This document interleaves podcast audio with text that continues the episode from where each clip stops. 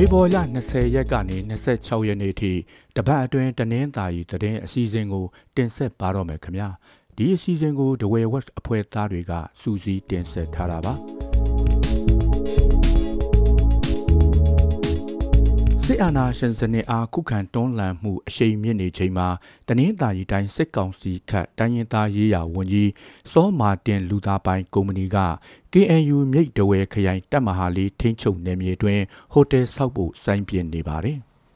။ဝန်ကြီးစောမာတင်လူသားဒရိုက်တာအဖြစ်ပါဝင်နေတဲ့ Luminous Stars Tiki ကုမ္ပဏီကထိုင်းမြန်မာနယ်စပ် Tiki ဒေသမှာဟိုတယ်နဲ့ခီးသွွားလုပ်ငန်းလုပ်ကိုင်ဖို့ပြင်ဆင်နေတာပါ။ 2023ခုနှစ်ဇန်နဝါရီလ30ရက်နေ့ကပြုလုပ်ခဲ့တဲ့တနင်္သာရီတိုင်းအစိုးရအဖွဲ့ရုံးမှပြုလုပ်တဲ့ရင်းနှီးမြှုပ်နှံမှုကော်မတီအစည်းအဝေးမှာ Luministers နဲ့ KLP Tiki ကုမ္ပဏီတို့ကထိုင်းမြန်မာနယ်စပ်အများကြီးရွာမှာဟိုတယ်ဆောက်လုပ်ခွင့်နဲ့ပတ်သက်ပြီးဆွေးနွေးခဲ့ကြပါတယ်။ စောမာတင်လူသားဟာစစ်ကောင်စီခတ်တနင်္သာရီတိုင်းဒေသကြီးတိုင်းရင်သားရေးရာဝန်ကြီးဖြစ်ပြီးပြည်ထောင်စုကြက်ခိုင်ရေးနဲ့ဖွံ့ဖြိုးရေးပါတီကတစစ်2020ရွေးကောက်ပွဲဝင်ခဲ့ပြီးရှုံးနိမ့်ခဲ့သူပါဒါအပြင်ကရင်အမျိုးသားအစည်းအရုံးဗဟိုရဲ့ဒုတိယဥက္ကဋ္ဌပတူစောကွယ်ထူးဝင်းရဲ့တူတော်ဆက်သူလည်းဖြစ်ပြီးတနင်္သာရီတိုင်းကရင်တိုင်းရင်သားလုပ်ငန်းရှင်များအသင်းဥက္ကဋ္ဌအဖြစ်လည်းဆောင်ရွက်ခဲ့ပါတယ် ရင်းနှီးမြှုပ်နှံမှုနဲ့ကုမ္ပဏီများညွှန်ကြားမှုဦးစီးဌာနဒိုက်ကာမှတ်တမ်းအရ Luminous Stars TK ကို2023ခုနှစ်ဇန်နဝါရီလ19ရက်နေ့ကမှတ်ပုံတင်ထားပြီးစောမာတင်လူသားအပါအဝင်ဒရိုက်တာ3ဦးပါဝင်ပါတယ်။နောက်ကုမ္ပဏီဖြစ်တဲ့ KLP TK ကိုလည်းအဲ့ဒီနှစ်ဇန်နဝါရီလထဲမှာပဲမှတ်ပုံတင်ထားပြီးနော်ဒိုင်းနာဆိုတဲ့အမျိုးသမီးတဦးတည်းကိုဒရိုက်တာအဖြစ်ဖော်ပြထားပါတယ်။ ထူးခြားချက်ကတော့အဲ့ဒီကုမ္ပဏီနှစ်ခုစလုံးရဲ့ရုံးခန်းလိပ်စာဟာတစ်ခုတည်းဖြစ်နေတာပါကရင်အမျိုးသားစီအယုံ KNU ဗဟိုရဲ့အလုတ်အမှုဆောင်အဖွဲ့ဝင်တွေအားလုံးနှုတ်ထွက်ပေးဖို့ကဘာတဝန်းမှာရှိတဲ့ကရင်အဖွဲ့အစည်းတွေကတောင်းဆိုလိုက်ပါတယ်။ကရင်အမျိုးသားအစည်းအရုံးဗဟိုဌာနချုပ်ရဲ့အထွေထွေအတွင်းရေးမှူးချုပ်စီကရင်အဖွဲ့အစည်း68ခုကနေပြီးဖေဖော်ဝါရီ24ရက်ရက်စွဲနဲ့အိတ်ဖွင့်ပေးစာပေးပို့တောင်းဆိုလိုက်တာပါ။ အဲ့ဒီလိုတောင်းဆိုတာဟာကရင်အမျိုးသားအစည်းအရုံး KNU ကိုတိုက်ခိုက်တာမဟုတ်ပဲတော်လှန်ရေးနဲ့နိုင်ငံရေးကိုဥဆောင်မဲ့ခေါင်းဆောင်တွေကိုပွင့်လင်းမြင်သာမှုတာဝန်ယူမှုတာဝန်ခံမှုရှိစေချင်တာကြောင့်လို့ဆိုပါတယ်။ကရင်အဖွဲ့အစည်းတွေက KNU ဘိုးအလုံးမှုဆောင်အဖွဲ့ဝင်တွေအားလုံးနှုတ်ထွက်ပေးဖို့အပါအဝင် အချက်၄ချက်ကိုအိတ်ဖွင့်ပေးစာမှာထက်သွင်းတောင်းဆိုထားပါတယ်။ဖေဖော်ဝါရီလ18ရက်နဲ့20ရက်နေ့တွေမှာ KNU တပ်မဟာ၄ရဲ့ KNLA နဲ့တိုက်ပွဲနှစ်ကြိမ်ဖြစ်ပွားခဲ့ပြီးရဲဘော်၃ဦးကြာဆုံးခဲ့တယ်လို့ကောတူးလီတပ်မတော်ကထုတ်ပြန်ထားပါတယ်။ဖေဖော်ဝါရီလ18ရက်နေ့ကကောတူးလီတပ်ရင်းတစ်ကထောင်းမဖြူကျေးရွာလမ်းအတိုင်းတွားနေချိန်အသစ်စောင့်နေတဲ့ KNLA တပ်ကတိုက်ခိုက်လို့ရဲဘော်တို့ကြာဆုံးခဲ့တယ်လို့ဆိုပါတယ်။ ဖေဖော်ဝါရီလ20ရက်နေ့မှာတော့ KNLA ရဲဘော်တဦးကိုကော်တူးလီတပ်မတော်ကဖမ်းဆီးသွားတယ်ဆိုပြီး KNLA ကလာရောက်တိုက်ခိုက်ခဲ့တာလို့ထုတ်ပြန်ချက်မှာဖော်ပြထားပါတယ်။အဲ့ဒီတိုက်ပွဲမှာကော်တူးလီတပ်မတော်ကရဲဘော်2ဦးကြာဆုံးပြီးတဦးဒဏ်ရာရခဲ့တယ်လို့လက်နက်ခဲယမ်းတွေလည်းသိမ်းဆည်းခံလိုက်ရတယ်လို့ဆိုပါတယ်။တနင်္သာရီတိုင်းအခြေစိုက် KNU တပ်မဟာ၄နဲ့ ကော်တူးလီတက်မတော်တို့အကြားအချင်းချင်းတိုက်ခိုက်နေတာကိုအ мян ဆုံးအဆုံးသတ်ပေးဖို့နိုင်ငံတကာကရင်အဖွဲ့အစည်းကတောင်းဆိုလိုက်ပါတယ်။ဖေဖော်ဝါရီလ22ရက်နေ့ကထုတ်ပြန်ချက်ထုတ်ပြီးတောင်းဆိုလိုက်တာပါလက်ရှိအချိန်ဟာစစ်ကောင်စီဖြုတ်ချရေးအတွက်တိုက်ပွဲဝင်နေချိန်ဖြစ်တာကြောင့်ကရင်အချင်းချင်းတိုက်ခိုက်နေကြတာဟာမဖြစ်သင့်ဘူးလို့ထုတ်ပြန်ချက်မှာဖော်ပြထားပါတယ်။ တနတ်ပြောင်းဝါကိုစစ်ကောင်စီဘက်ကိုလှည့်ဖို့နိုင်ငံတကာကရင်အဖွဲ့အစည်းကတောင်းဆိုထားပေမဲ့မြေပြင်မှာတော့စစ်ရေးတင်းမာနေစေဖြစ်ပါတယ်။တိုင်းအတွင်းနေကရင်ပြည်သူတွေကလည်းနှစ်ဖက်အ мян ဆုံးတွဲဆုံညှိနှိုင်းကြဖို့တောင်းဆိုထားပါတယ်။တဝဲအရှိတော်ဒေသမှာဖေဖော်ဝါရီလ16ရက်ကနေ18ရက်နေ့အထိ၃ရက်ဇက်တိုက်ဖြစ်ခဲ့တဲ့တိုက်ပွဲမှာပြည်သူ့ကာကွယ်ရေးပူးပေါင်းတပ်က PDF တပ်စိတ်မှုတအူးကြာဆုံးခဲ့ပါတယ် ဖေဖော်ဝါရီလ16ရက်ကဝါကုန်းရွာလယ်မှာတိုက်ပွဲ18ရက်နေ့မှာတော့ဝါကုန်းနဲ့သင်္ကန်းတုံးရွာကြားရှိဘဲမတတောင်ကျောနဲ့18ရက်နေ့မှာတော့သင်္ကန်းတုံးရွာနာမှာတိုက်ပွဲဖြစ်ပွားခဲ့တာပါ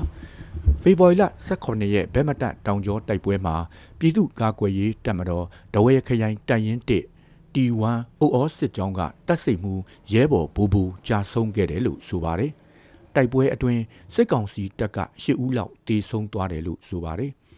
ဖေဖော်ဝါရီလ18ရက်နေ့နေ့လယ်မှာတော့သင်္ကန်းတုံးရွာကနေအိမ်အချို့မိရှုခံရတယ်လို့ဆိုပါတယ်။ဒါအပြင်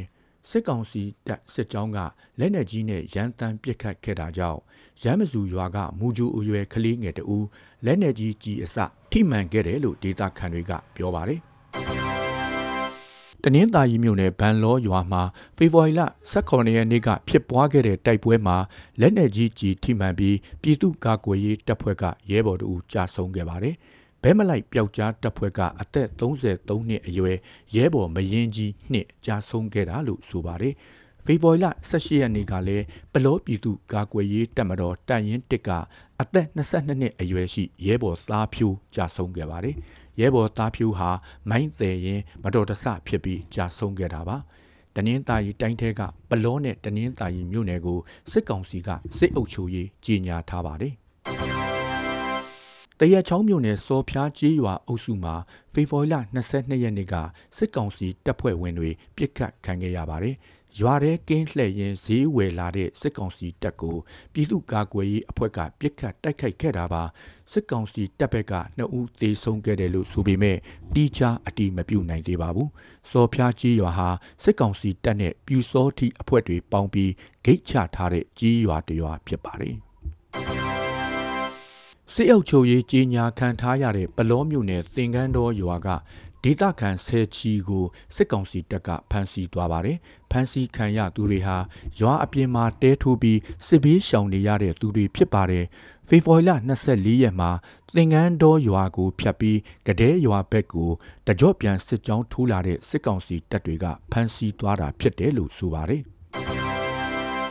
အာနာဖီဆန်ရေးလှုပ်ရှားမှု CDM လှုပ်ထားတဲ့ပလောမျိုးကကျောင်းဆရာမ18ဦးနဲ့အရသားအချို့ကိုစစ်ကောင်စီတပ်ကဖမ်းဆီးခဲ့တယ်လို့ဆိုပါတယ်။ပလောမျိုးရက်ွက်တွေမှာနေထိုင်ကြတဲ့ CDM ကျောင်းဆရာမ18ဦးနဲ့အရသား4ဦးကိုဖေဖော်ဝါရီလ22ရက်ညမှာလာဖမ်းသွားတာလို့မျိုးခံတွေကပြောပါတယ် အဖမ်းခံရသူတွေဟာပလောမြို့နယ်ရှိအထက်တန်းကျောင်းနဲ့အလဲတန်းကျောင်းတွေမှာတာဝန်ထမ်းဆောင်ခဲ့ဘူးသူတွေလို့ဆိုပါတယ်စစ်ကောင်စီကပလောမြို့မှာစစ်အုပ်ချုပ်ရေးကြီးညာပြီးတဲ့နောက်ပထမဆုံးအကြိမ်ဝင်ရောက်ဖမ်းဆီးခဲ့တာလည်းဖြစ်ပါတယ်တနင်္သာရီတိုင်းထဲကပလောနဲ့တနင်္သာရီမြို့နယ်ကိုစစ်ကောင်စီကစစ်အုပ်ချုပ်ရေးကြီးညာထားပါတယ်ကော့တောင်းခရိုင်ခမောက်ကြီးမြို့ ဝိုင်းဒင်ရွာနာမှာဖေဖော်ဝါရီလ22ရက်ကတိုက်ပွဲဖြစ်ပွားခဲ့တာကြောင့်ဒေသခံတွေဟာနေဆက်ဖြတ်ကျော်ပြီးစစ်ဘေးရှောင်နေရပါတယ်။ဒေသခံတရားကျော်လောက်ဟာထိုင်းနိုင်ငံရနောင်းဘက်ချမ်းကိုကူးလာပြီးစစ်ဘေးရှောင်နေကြရတာပါ။ဝိုင်းဒင်ရွာနာမှာကော်တူးလီတက်မတော်ပြည်သူ့ကာကွယ်ရေးပူးပေါင်းတပ်နဲ့စစ်ကောင်စီတပ်တို့တိုက်ပွဲဖြစ်နေတာကြောင့်ဒေသခံတွေဟာထိုင်းဘက်ကစီအုံချန်တဲ့စစ်ရှောင်နေရပါတယ်။ စစ်ဘေးရှောင်လာသူတွေကို ထိုင်းစစ်တပ်ဘက်ကအကူအညီပေးထားတယ်လို့ဆိုပါတယ်။ပလောမြို့နယ်ကတဲ့ကြီးရွာမှာနေအိမ်160ကျော်မိရှုခံလိုက်ရပါတယ်။ပလောပြည်သူကာကွယ်ရေးတပ်မတော်တိုင်ရင်တစ်ကအခုရက်ပိုင်းအတွင်းမြေပြင်ကွင်းစင်းကောက်ယူထားတဲ့စီးရင်ဖြစ်တယ်လို့ဆိုပါတယ်။ကတဲ့ရွာကိုစစ်ကောင်စီတပ်ကဖေဖော်ဝါရီလ15ရက်ညမှာ အင်အားအလုံးအင်းနဲ့ဝင်ရောက်စီးနင်းခဲ့ပါတယ်ဒီလိုဝင်လာချိန်မှာနှစ်ဖက်ပြစ်ခတ်မှုဖြစ်ခဲ့ပြီးပြည်သူ့ကာကွယ်ရေးတပ်ကစုခွာပေးခဲ့ရပါတယ်အဲ့ဒီနောက်ဖေဖော်ဝါရီလ16ရက်နဲ့18ရက်နေ့တွေမှာနေအိမ်တွေမီးရှို့ခံရတာလို့ဒေသခံတွေကပြောပါတယ်။ကတဲ့ရွာကဖုံးတော်ကြီးကျောင်းတစ်ကျောင်းအပါဝင် လူနာတင်ရင်နဲ့စိုက်ကယ်တွေလည်းမီးရှို့ဖျက်ဆီးခံရတယ်လို့ဆိုပါတယ်။ ပြည်သူ့ကာကွယ်ရေးတပ်တွေလအတော်ကြာထိန်းချုပ်ထားတဲ့ကတဲ့ရွာကိုစစ်ကောင်စီတပ်ကဖေဖော်ဝါရီလ15ရက်နေ့မှာထူးစစ်ဆင်တိုက်ခိုက်ခဲ့တာဖြစ်ပါတယ်။